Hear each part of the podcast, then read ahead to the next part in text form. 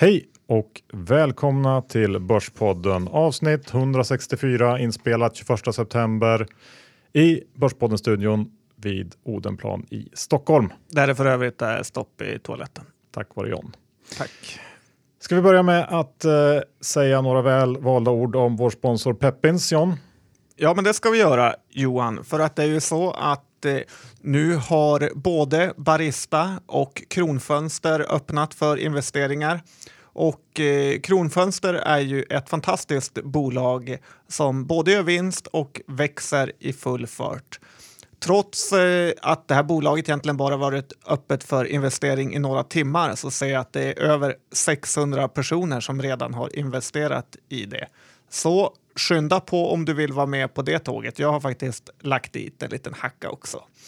Sen har vi Barista och det här är ju högrisk-caset. Det är just på café som det här med crowdfunding kan vara en fantastisk idé. Då är man delägare så går man och eh, köper en kopp kaffe där istället. Dessutom är ju bolaget väldigt etiskt. Så peppins.com för investeraren om man vill investera i onoterat. Ja, du, eh, idag har vi ju en liten extra bjudning till våra lyssnare. Vi försöker ju alltid att göra det där lilla, lilla extra och den här veckan har vi förutom eh, det vanliga snacket mellan dig och mig John, träffat eh, Jean Medicin på Carmignac.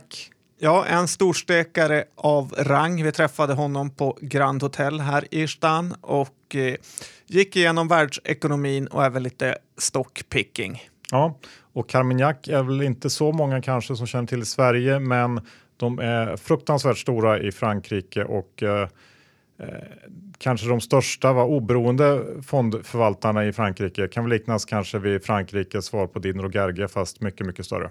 Ja, det kan man nog säga om du sammanfattar det lite. Ja, så det eh, tyckte vi var skoj. Det kommer i slutet av eh, podden. Vi ska också nämna Lendify, vår härliga peer-to-peer lending sponsor. Ja, man får ju faktiskt inte glömma att här har du i snitt nu en avkastning på 6% rullande 12 månader på utlåningen. Och dessutom är den här avkastningen helt okorrelerad mot börsen.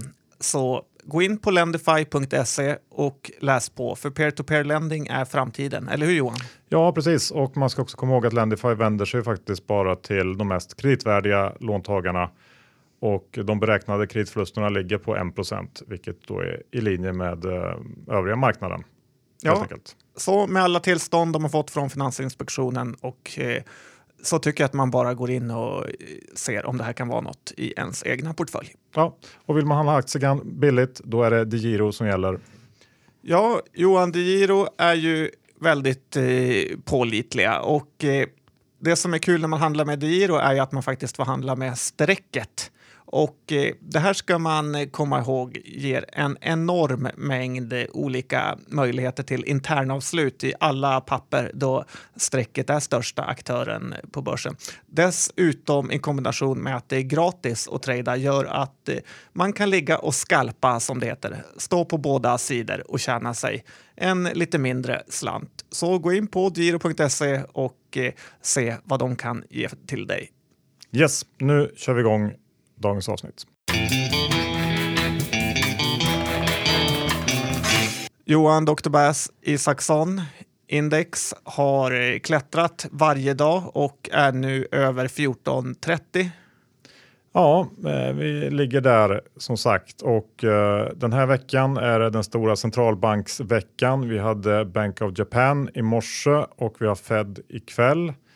Eh, den stora frågan som man har pratat om mycket på slutet är väl om gälden ska höja eller inte och de flesta verkade övertygade om att det inte blir någon höjning. Och eh, jag har egentligen ingen åsikt där. Men vi har också sett ett ganska tydligt skifte från centralbankerna den senaste tiden i att man inte gärna vill göra mer när det gäller minusränta och eh, QE och istället så hör man allt fler rop på ökade finanspolitiska åtgärder och att finanspolitiken helt enkelt måste ta vid nu när penningpolitiken verkar ha nått vägs ände på något sätt. Det här tycker jag är en ganska intressant uh, utveckling som uh, det kan vara värt att hålla lite koll på. Många tror till exempel att eh, det kommer att bli en hel del eh, ökad spending i USA oavsett om det blir Trump eller Clinton som vinner med eh, olika inf infrastrukturprojekt och, och dylikt. Så att, eh, det skulle kunna vara en, ett tema att eh, titta på i sin, sina investeringar faktiskt. Ja, en murbyggare kan ju vara bra om Trump vinner. Ja, precis. Sen tänkte jag också ta upp något vi pratade om för någon vecka sedan, det här med anchoring och den effekten och hur det har påverkat en syn på vad som är en låg värdering. Att det som för några år sedan var dyrt på P15 är nu billigt och så vidare. En annan sida av det här myntet, John, det är ju att man också smyger upp i resultaträkningen när det gäller vilka typer av nyckeltal man, man använder sig av. Nu är det nästan uteslutande ev-ebit eller ev-ebita eller kanske till och med ev-justerad ebita som man ser i analyser och som eh, man använder som köpargument helt enkelt. Och eh, i USA har vi ju den här problematiken med gap versus non-gap, vilket är väl ungefär eh, lite samma sak. Den här diffen är på rekordnivåer. Och jag tycker allt det här pekar helt enkelt på att vi är sent i börscykeln och bolagen, de gör allt i deras makt för att upprätthålla bilden av höga vinster i alla fall. Men det som ser ut som en väldigt stabil hög vinst kan väldigt, väldigt snabbt omvandlas till katastrof i sådana här lägen. Och eh, jag har sagt det förut på slutet, men jag måste säga det igen. Det här är inte en grund där man bygger en mångårig bull market på. Nej, det har vi hört förut. Ja, eh, och jag tänkte avsluta det här liksom makrosvepet kanske med, eh, med en till eh, katastrof kanske man kan säga, när vi ändå är inne på det. Det är banksektorn i Europa, John. Ja, få höra. Är det Italien? Ja, det, den finns ju definitivt med här. Men det känns som hela banksektorn i Europa är som en tågkrasch i slow motion ungefär och börserna bryr sig inte om det här just nu. Men det kan nog gå ganska snabbt och förändras. USA gick ut i veckan och meddelade att man vill ha 14 miljarder dollar eh, i skadestånd av Deutsche Bank för skit som de gjorde i samband med finanskrisen. Och 14 miljarder dollar det är faktiskt ganska mycket för Deutsche Bank som har ett börsvärde på drygt 15 miljarder dollar och en lövtunn balansräkning. Den här aktien tar ju nya lows eh, var och varannan dag egentligen. Och köpte man Deutsche Bank runt finanskrisen 08-09 där så har man faktiskt mer eller mindre halverat sina pengar sedan dess. Vilket säger en hel del om eh, läget i den banken.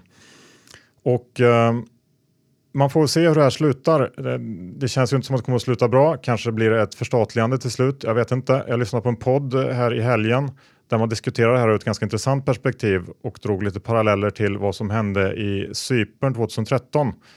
Kommer du ihåg det? Ja, när de tog eh, insättarnas pengar. Ja, det gjorde de.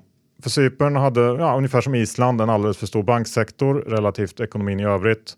Och 2013 då så hamnade man i en bankkris. Och för att göra en lång historia kort John så slutade det med att eh, man gjorde en så kallad bail-in.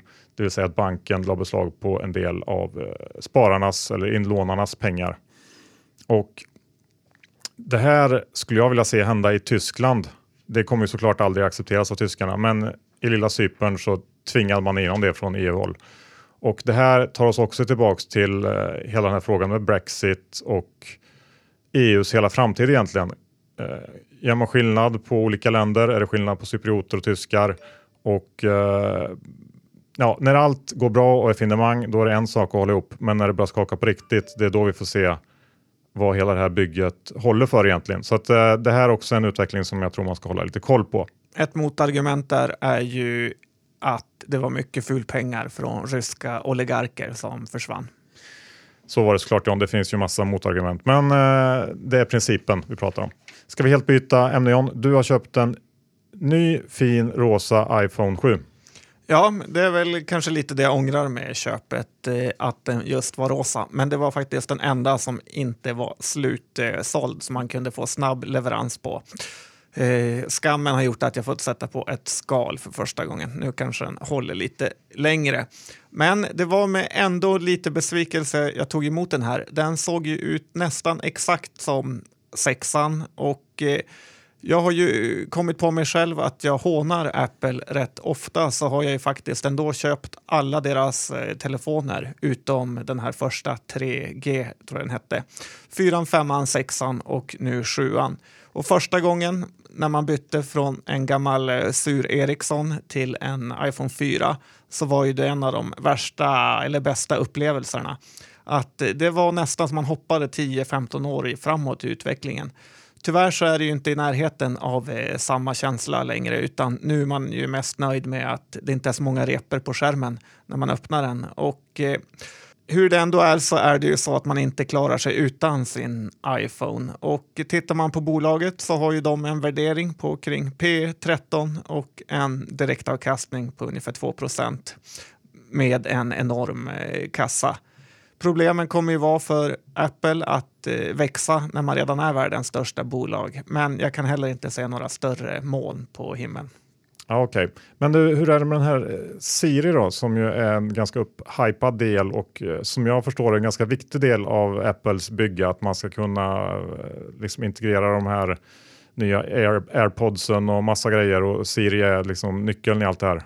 Ja, det är jag ju inte helt säker på eh, framtiden. Vi kan väl eh, testa lite Johan. Hej Siri! Vad står OMX-index i just nu? OMX Stockholm 30 index har gått upp 14,27 idag, eller 1,01 procent, till 1432,71. Tack så mycket. Hej Siri igen. Hej Siri. Hej Siri. Ja, Johan, det är inte klockrent hur det fungerar. Nej, hon gick och la sig där. Du, vi stannar kvar i USA när vi ändå pratar eh, amerikanska grejer. Warren Buffett eh, lite i blåsväder på grund av det som har hänt i hans eh, bankinnehav Wells Fargo. Ja, det är det. Han är ju en legend, vår kära Warren, och han har ju en väldigt icke-girig mediaprofil. Men som sagt, här i dagarna så visade det sig att en av hans största innehav, banken Wells Fargo, har ägnat sig åt ett riktigt scambeteende. De har haft en vansinnig säljhetskultur på banken och eh, det här har gjort att eh, personalen känt sig tvingade att göra nästan vad som helst för att lyckas nå de här målen.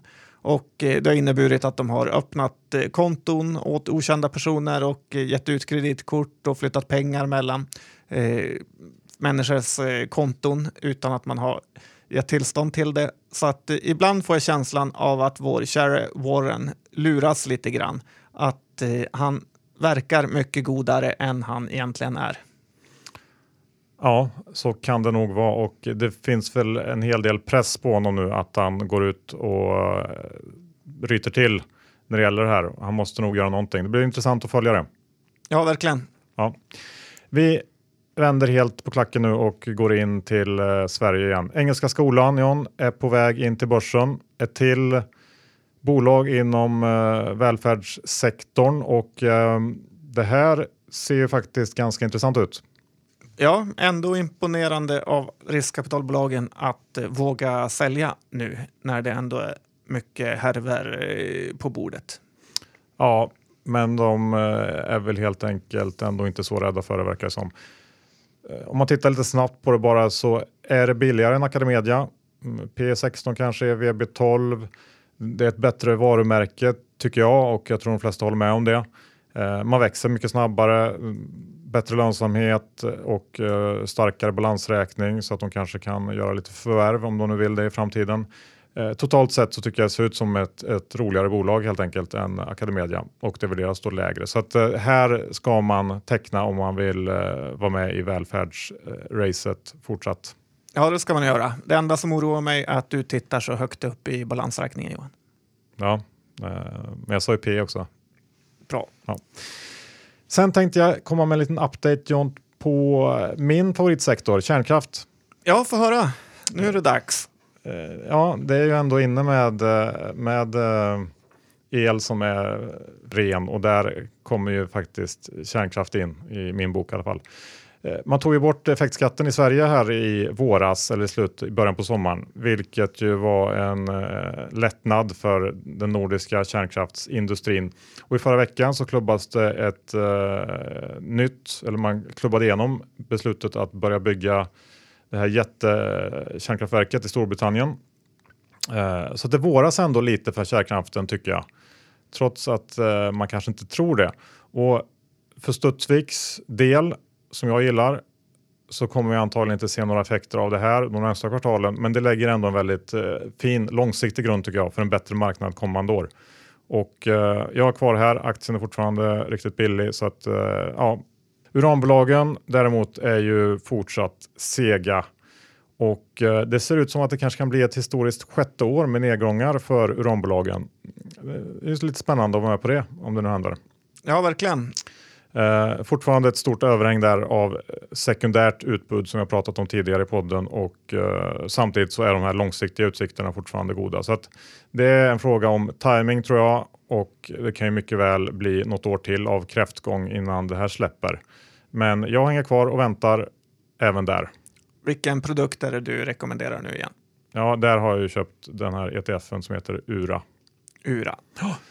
Och vi kan även gå in på ett annat bolag som eh, jag har pratat mycket om, Telia. Det kom ju besked, eller kanske inte besked, men ett krav från eh, amerikanska myndigheter på skadestånd.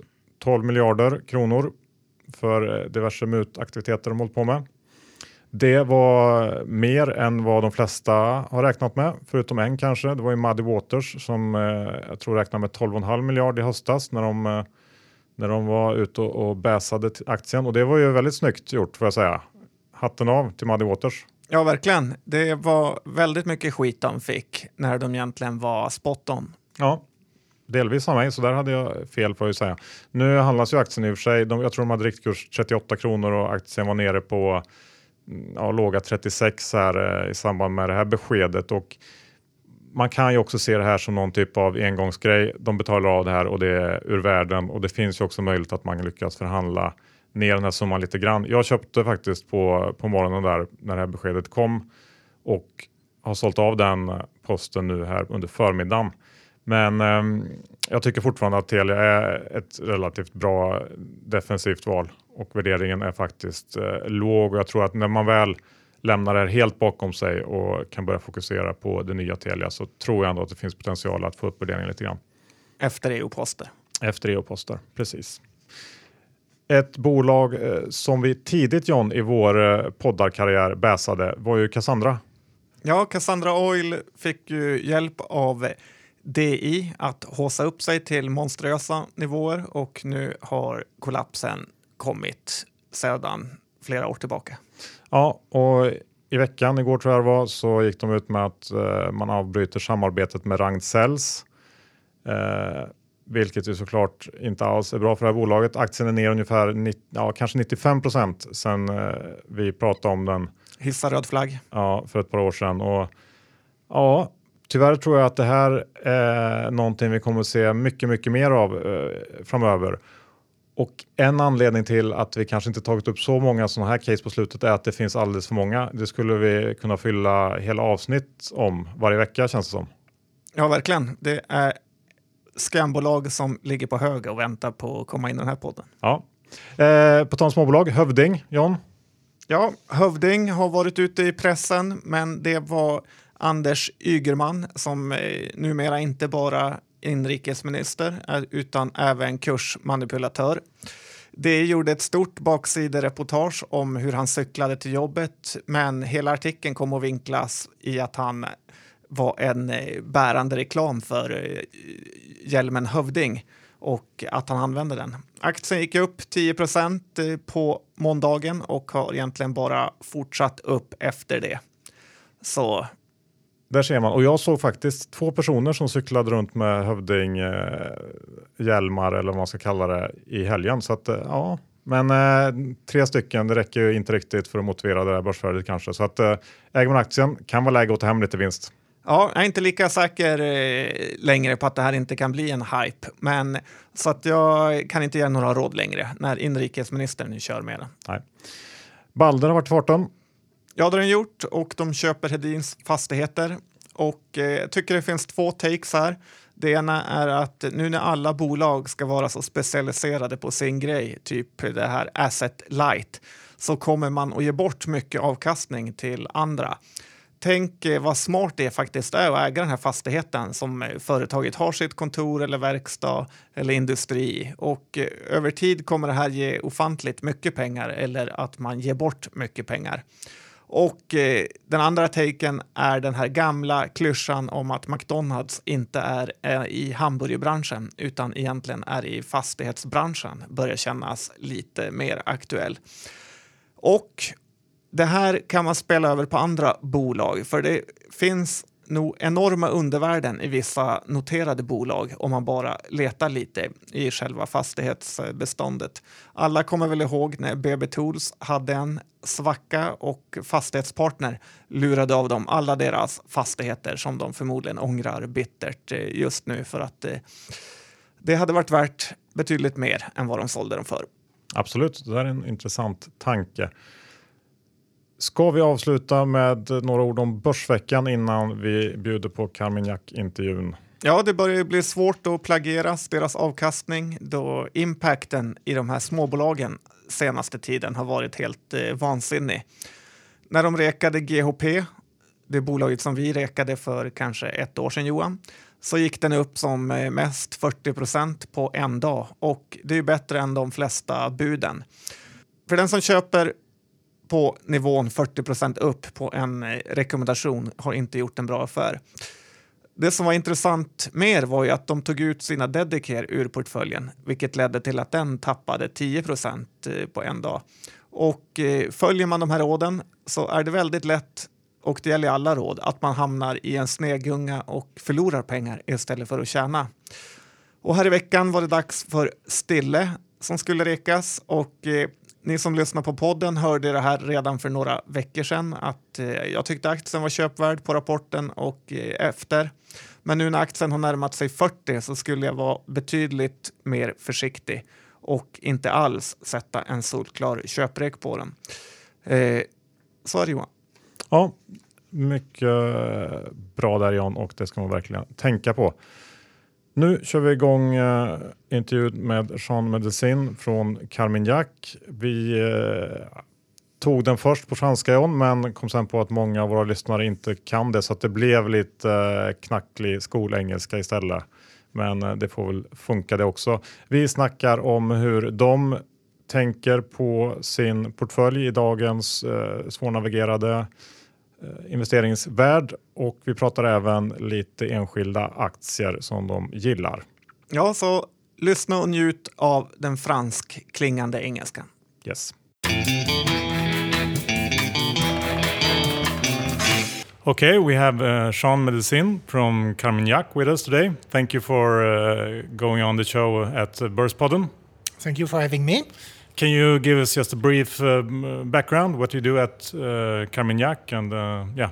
Sure. I'm a portfolio advisor at Carmignac, a member of the investment committee, where I participate to the uh, daily investment decisions made in the firm. My background initially was a portfolio manager on European equity, and gradually I've enlarged my coverage to be uh, covering uh, all geographies and all asset classes. So a very rich topic right now. Okay, great. And uh, and just uh, for those uh, who are listening that don't don't know about Carmignac, um, tell us a little bit about Carmignac. Carmignac is uh, one of the largest independent asset uh, manager in Europe. We manage a little bit more than 50 billion euro of assets under management. Uh, we are independent, meaning that uh, the company is uh, solely in the hands of the Carmignac family and uh, its employees. And probably what describes Carmignac the best is a house which always had managed money for its clients with a dual mandate of performance generation, but also capital preservation. So our flagship fund, Carmignac Patrimoine, was very well known for having the capacity to be flexible and having, for example, generated a small but positive return in the year 2008 during the great financial crisis. Okay, impressive. Um, let's uh, hit the ground running. Um, can you uh, please give us uh, uh, your outlook, your economic outlook for, for more or less the whole world? Uh, we can we can start with uh, I don't know where do you start? Europe US China I don't know.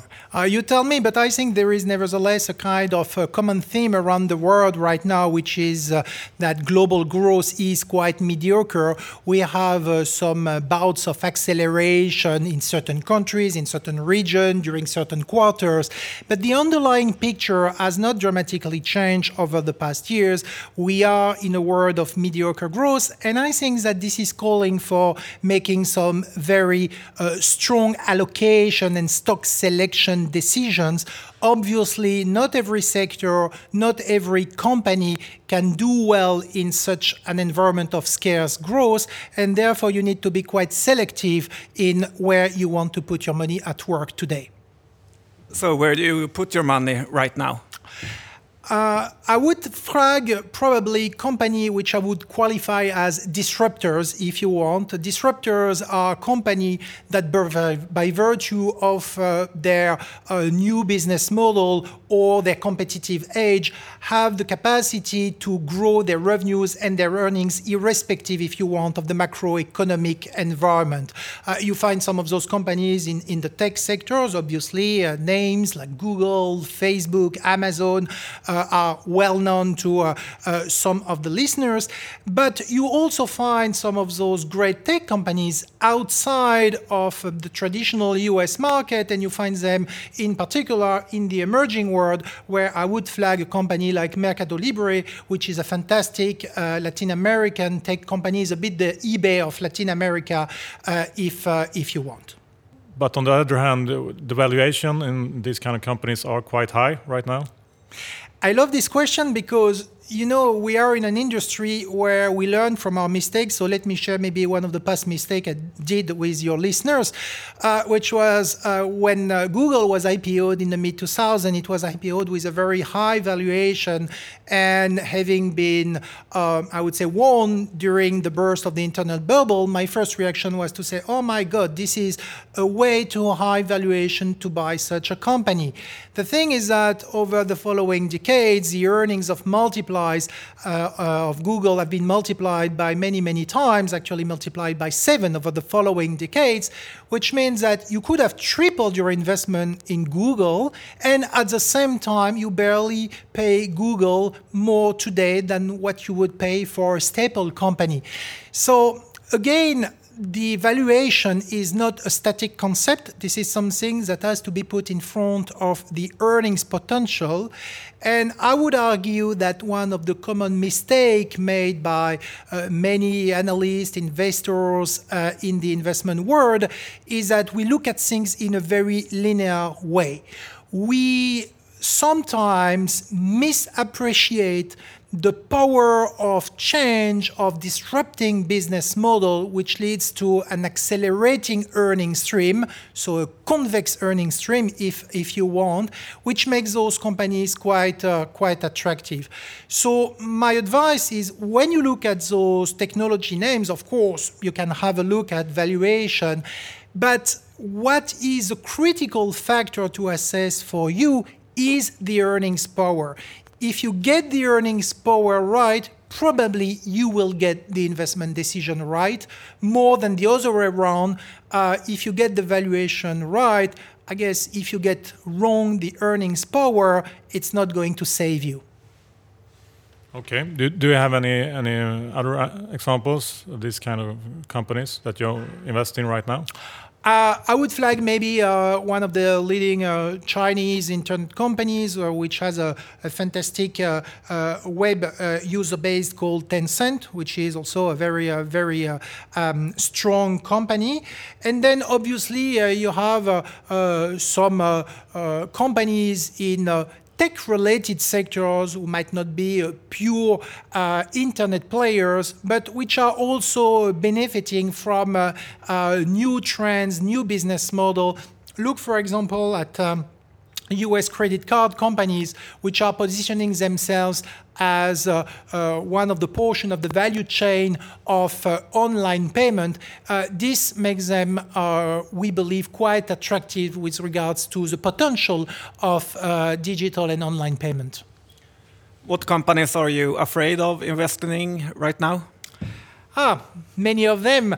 you know, we run a very concentrated strategies, and I think probably we spend a lot more time evaluating the merits of the company we want to buy than trying to, to rank uh, the entire world. Uh, nevertheless, uh, if I were to, to flag some uh, uh, areas of, uh, of weakness, I would definitively mention companies belonging to more traditional sectors which are struggling to defend their revenues, their margins, and their pricing in an environment of mediocre global economic growth.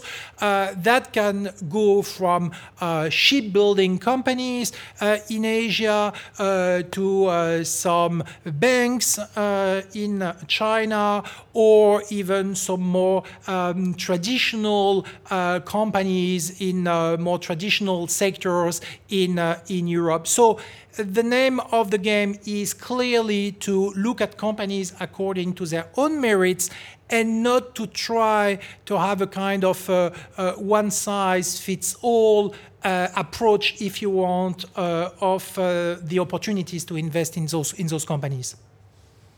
Okay, if we look at the world, where do you want to be and where do you not want to be at this moment?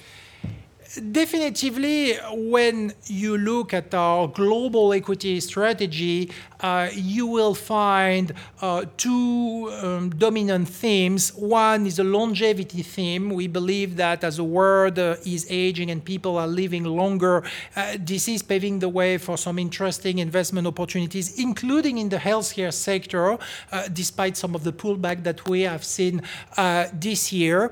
And also, as I briefly touched uh, just uh, as I touched uh, shortly before, um, the tech and internet sectors, so leveraging the, the themes of the millennials, is is quite powerful.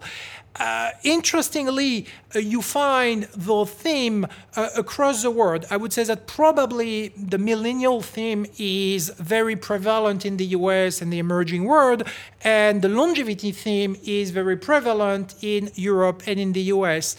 So, the best advice I could give to an investor today is to go for a global strategy because um, the world is rich in investment opportunities. It's not a question of making a very strong geographical allocation decision. It's about identifying the sectors and the companies that can actually do well in this, uh, in this environment. So, uh, leveraging positions going from the US to Europe and including emerging markets is probably the best way to build an investment strategy today. Uh, you started off by, by telling us that you managed to to get out of the financial crisis around 08, 09 uh, with a small plus. Uh, tech companies, I suppose, won't help you do that. So how do you do you prepare for for uh, worse times uh, right now? Okay, first I want to say that I don't really think that tech companies should be an obvious victim of a repeat of the financial crisis. Financial crisis was actually something which was, uh, as you mentioned, very financial specific. So I guess good quality companies with good earnings power are actually the one you should have in your in your portfolio.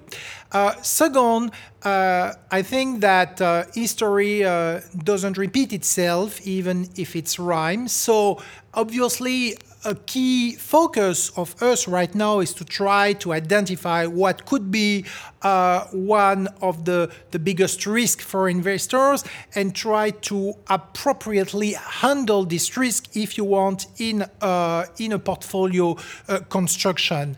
Uh, I would advocate that the biggest risks that we are facing right now is a kind of asymmetry we have on the fixed income markets. Obviously, after years of uh, very aggressive monetary policies, we are coming to a point where the upside case on fixed income is pretty limited. You have some pockets of value in some very specific segments, but overall, the upside potential is quite capped. Whereas, on the other hand, there is probably an asymmetry in terms of a downside scenario. So keep in mind, I'm not here telling you that we are going to witness a bond crash, but what I'm saying is that we've got an asymmetry between a limited upside and a much more significant downside potential. Investors are very complacent with uh, the future actions of central banks. Investors are very much still convinced that we should keep an ever increasing, if you want, action of central banks. They don't really believe in uh, the US central banks gradually raising its interest rates. And also at the same time, uh, there might be a, a, a little bit of uh, complacency with regard to uh, the underlying inflation trends in the US. So if you put that all together, uh, we think that uh, an area of weakness right now is definitively uh, on some segments of the fixed income market, and I would think in particular uh, developed market government bonds, and in particular US uh, government bonds. And considering the links between the li- equity market, which is very supported, if you want, by the liquidity right now in the market, and very supported by the fact that investors who can't get a return on the fixed income market are reallocating part of their allocation towards the equity market. Obviously, if we were to have this kind of turmoil on the fixed income market, that could be a negative factor for financial markets overall. So, how do we manage uh, this in a global strategy like the Carmignac Patrimoine strategy? For example, by having positions uh, which are taken, uh, taking advantage of uh, an eventual rise of US interest rates. So, for example, short position on US treasuries, which will buffer, if you want, the negative impact of uh, such a fixed income correction on the overall portfolio. Uh, next to that, it's also a question of having in your allocation some uh, safe haven assets. Safe haven assets can be uh, diversifying equity positions like gold miners, which have proven to be quite successful this year, if you want, as managing the overall risk of a portfolio or uh, last but not least, having an active currency allocation. Uh, I would, for example, mention the yen as a safe haven currency, which uh, in, a, in a global context can help you if you want to deliver on a dual mandate of performance generation and capital preservation. Earlier this year, you were very negative at the financial markets at Carmignac. Are you more or less negative right now?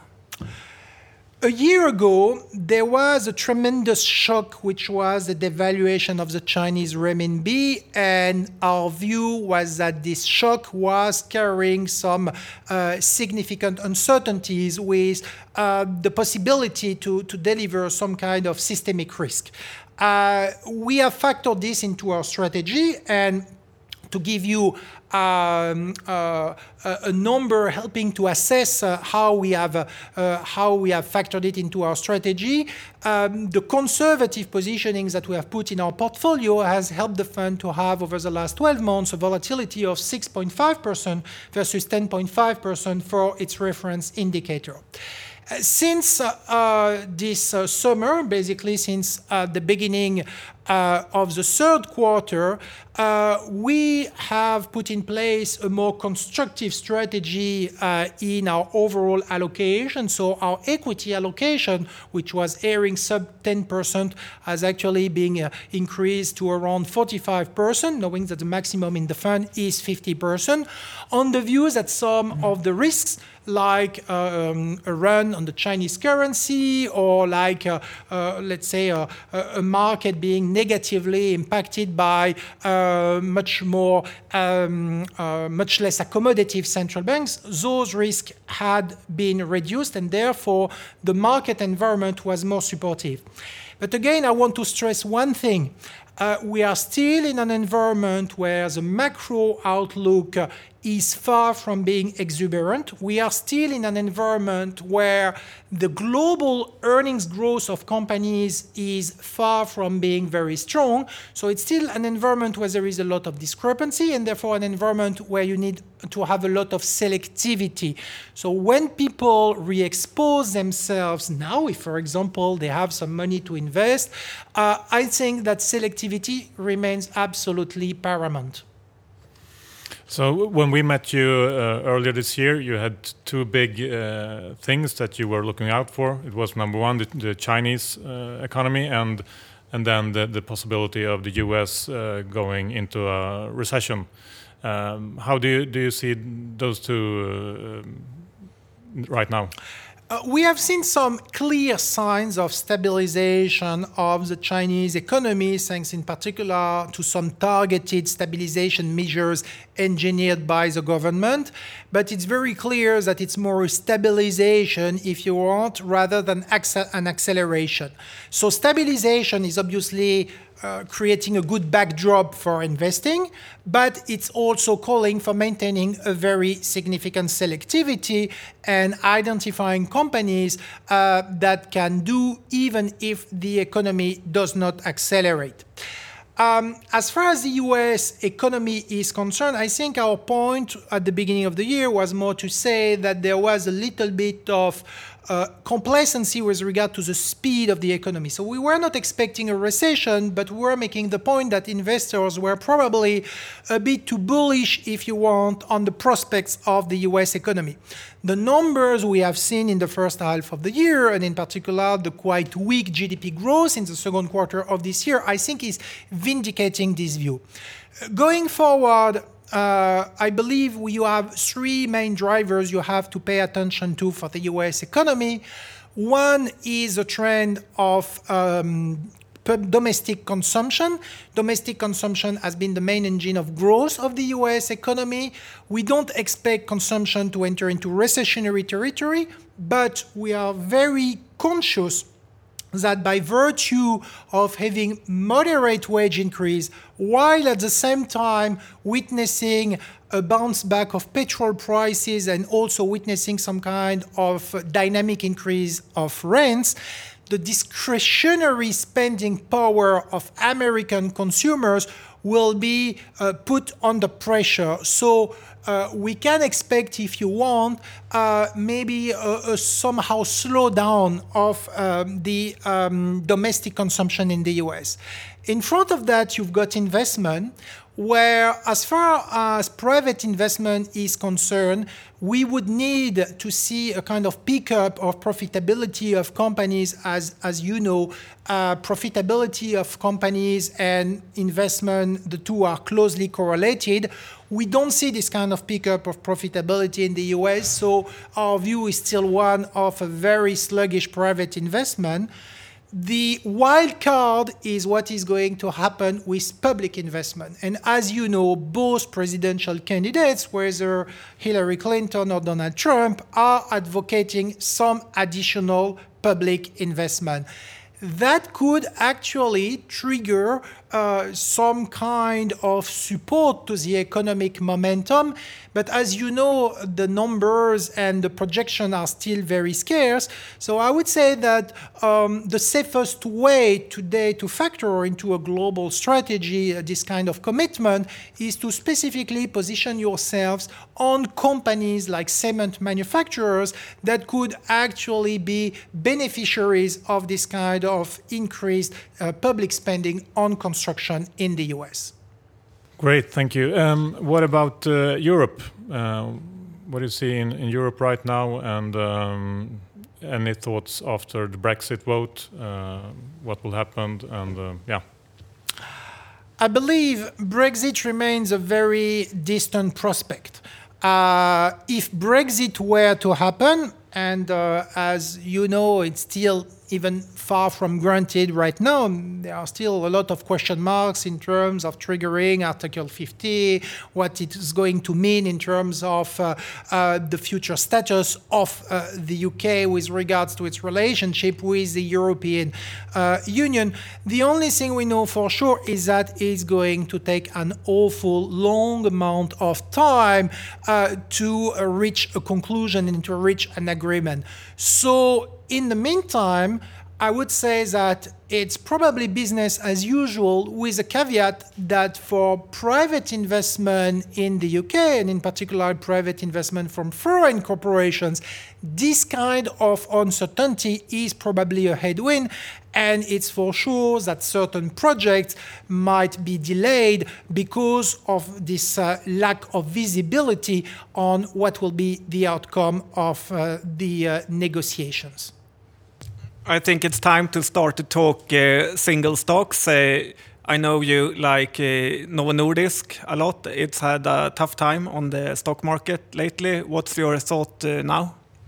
Uh, Novo Nordisk, you're right, has been uh, one of our key holdings since basically 2008. So it's not a, a new names for us, but I think it's also illustrating, if you want, the power of conviction when you're picking your picking your stocks. Um, it's clear that this year um, there has been some disappointment in terms of the growth prospects of uh, the company and also probably all the noise surrounding uh, um, the uh, pricing of drugs in the US as creating a bit of a difficult environment for the healthcare sector as a whole. Uh, our view is that Novo uh, is still a very strong company. Our view is that the growth uh, prospects of the companies remain extremely strong. And we had recently a, a later study of uh, Express Scripts uh, making some projections uh, regarding the development of the diabetes market in the US. And we are still expecting, they are still expecting um, mid double digit growth for the coming years for this market. So it remains a very strong market. And I think uh, as the world population and the US population in particular is getting older and also unfortunately fatter, the prevalence of diabetes is increasing and therefore it's still a growth market. Um, so I would think that uh, it remains a very compelling stock to have in uh, a portfolio for the long term. Yes, we had some pullbacks. Uh, pullbacks are part of the, if you want, normal uh, development of a, of a company where maybe investors were a bit too accustomed to some kind of uh, uh, positive earnings surprise. But again, the underlying growth profile, in our view, has not materially changed. What has changed is actually the valuation of the company. This is a company which used to be priced with a premium of 40 to 50 percent um, to uh, its uh, peers, and now has a premium of only 20 percent. So if you look at the shrinking premium with a growth uh, prospect which is still extremely compelling, uh, you could actually argue that the valuation has become quite, uh, uh quite attractive for, for the company. Sounds great for our Scandinavian investors. Another stock I know you liked uh, when we talked uh, last time was Facebook. It has had an extremely good run. is it time to sell Facebook now or still a buy? It's very true that Facebook had a great run, but it had a great run not just as a stock price, but also uh, in terms of revenue growth and earnings growth. Uh, we are still with a company uh, which is uh, delivering close to 50% revenue growth, uh, a company which has still an enormous, uh, if you want, earnings potential. So obviously, as the company get bigger, the law of uh, diminishing returns do apply. It's obviously uh, much more difficult uh, to keep growing at 50% uh, when you are a company which is twice the size and what it used to be. But it doesn't mean that the company itself is ex growth, and it doesn't mean either that actually the valuation is becoming stretched because we have seen for such a company earnings growing faster than actually the share price. So uh, might not be um, our largest holding in our tech portfolio right now. Maybe we will be, uh, if you want, slightly uh, more geared towards name like, for example, Amazon, but it's still a very solid core holding of our overall allocation. What stock uh, did you sell most uh, lately? So uh, we had actually one stock which we did not sell, but which disappeared of our portfolio, which is LinkedIn, because LinkedIn uh, was actually taken over. So um, that was, uh, if you want, a happy outcome for uh, having bought this position. But the thing is that obviously now we, we have to find some uh, uh, some new ideas. but this is clearly um, clearly a stock that we that we sold in or that we basically that disappeared uh, from, uh, from our portfolio. Uh, for the rest, our uh, overall um, uh, equity allocation has, has remained pretty uh, pretty stable. sometimes we can trim some names which had a very strong run, but overall we are very comfortable with with the names that we've got in in our portfolio. Uh, Novo or Facebook or Amazon, that's uh, big names.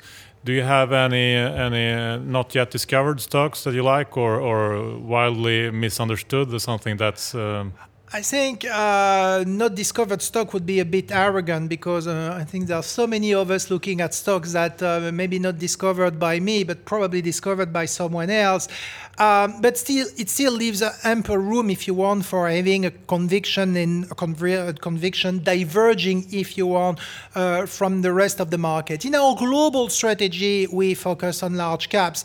Uh, we have so many, uh, if you want potential uh, in terms of identifying um, uh, successful large caps around the world uh, that we don't need to go into small caps.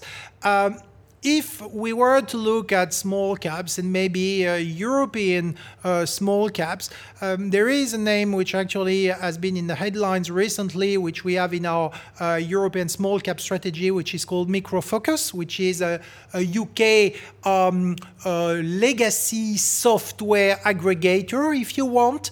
Um, and I'm mentioning it because for your listeners, they might uh, think that uh, they are entering into a, a tender offer to buy uh, the software business of HP. Um, I wanted to flag it because um, it's so rare to find a European stock engaging into some form of consolidation in the tech space. Usually it's American leaders buying European names.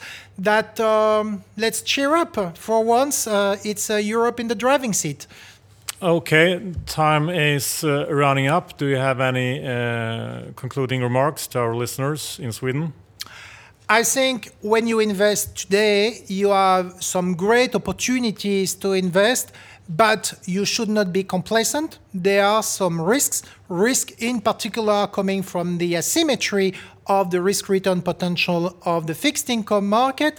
So I guess you need to remain pretty active today in your investment decisions. Great, Jean. Thank you very much uh, for being on Börspodden. Thank you very much for listening. Thank you. Tack för det Sean och tack John och Johan. Ja, det var kul. Digiro har ni som vanligt. Ja, gå in på giro.se, öppna konto. Har ni under miljonen där så handlar ni utan courtage och ni når massor av intressanta aktier världen över. Vi ska inte heller glömma Lendify som ju erbjuder peer-to-peer lending och eh, de vänder sig endast till de mest kreditvärdiga låntagarna, låga kreditförluster och avkastningen historiskt sett har varit kring 6-7% på årsbasis. Ja, så in på lendify.se och få ytterligare ett komplement till portföljen. Ja, och missa inte att Peppins nu är uppe med två intressanta objekt att investera i. Det är Baristajon och det är Kronfönster. Ja, båda två intressanta på olika sätt. Så in på peppins.com och bli delägare i onoterade bolag. Om ni vill såklart. Ja, bara om man vill. Mm, man måste inte. Okej, okay. innehavsförteckning? Yes, jag har Studsvik och uh, Ura. Inte längre några aktier i Telia. Uh, det var det. Du och John? Ja, jag har en iPhone 7. Yes. Och eh, den här gången tror jag inte att jag hade en enda aktie av de vi har pratat om faktiskt. Härligt, bra. Då tror jag du ligger helt rätt inför att centralbankerna ska göra oss besvikna ännu en gång. Tack för att ni lyssnade den här veckan så hörs vi om en vecka igen. Hej då!